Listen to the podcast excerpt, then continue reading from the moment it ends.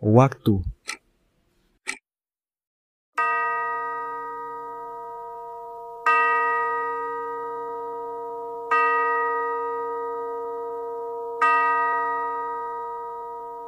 Seberapa luas kita memahami makna perihal waktu?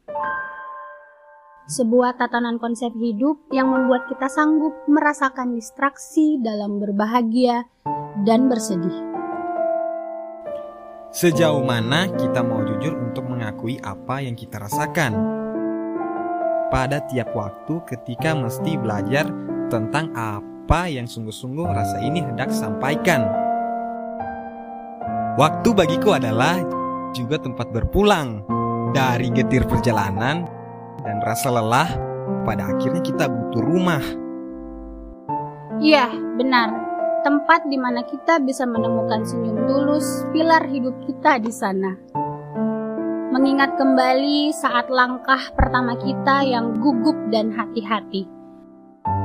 Bagaimana tawa mereka terukir mendengar ocehan kata pertama kita yang tidak sesuai ejaan. Eh, ada lagi. Sebuah pelukan hangat tiap kali kita menangis terluka. Juga semerdu nyanyian cinta yang memuakkan tiap kali kita melakukan hal yang tidak semestinya. Tanpa judgmental tentu saja. Tapi sering kali waktu juga membuatku kacau ketika ia secara semena-mena dengan acunya tiba-tiba menyerangku dengan perasaan sendiri sunyi, di mana suatu arah yang sama sekejap berbeda. Benar, aku pun merasakannya. Hari-hari yang berwarna berubah secepat kilat. Di mana tawa lepas itu tertuai, lalu berlarut, menguap, hilang begitu saja. Tapi mungkin karena saat ini aku merasa sunyi akan keindahan kemarin. Sumpah, sumpah aku rindu. Rindu segala hal yang dapat kita habiskan bersama waktu.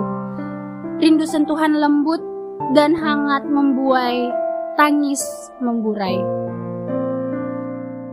Lalu, haruskah kita menyalakan waktu atau haruskah kita menyalakan keadaan?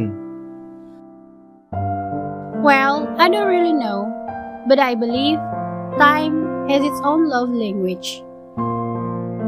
Bahasa cinta yang mengajarkan kita tentang arti kehidupan yang sesungguhnya. Yang tak melulu indah, tapi pasti akan ada nestapa badai menerjang untuk sampai di ujung pelangi.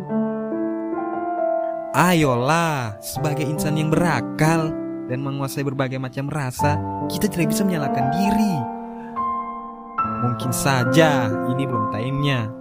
Sebaik-baiknya yang bisa kita lakukan adalah untuk tetap berdiri tegak walaupun penuh luka dan tidak luput dari berusaha, bersyukur, dan berdoa.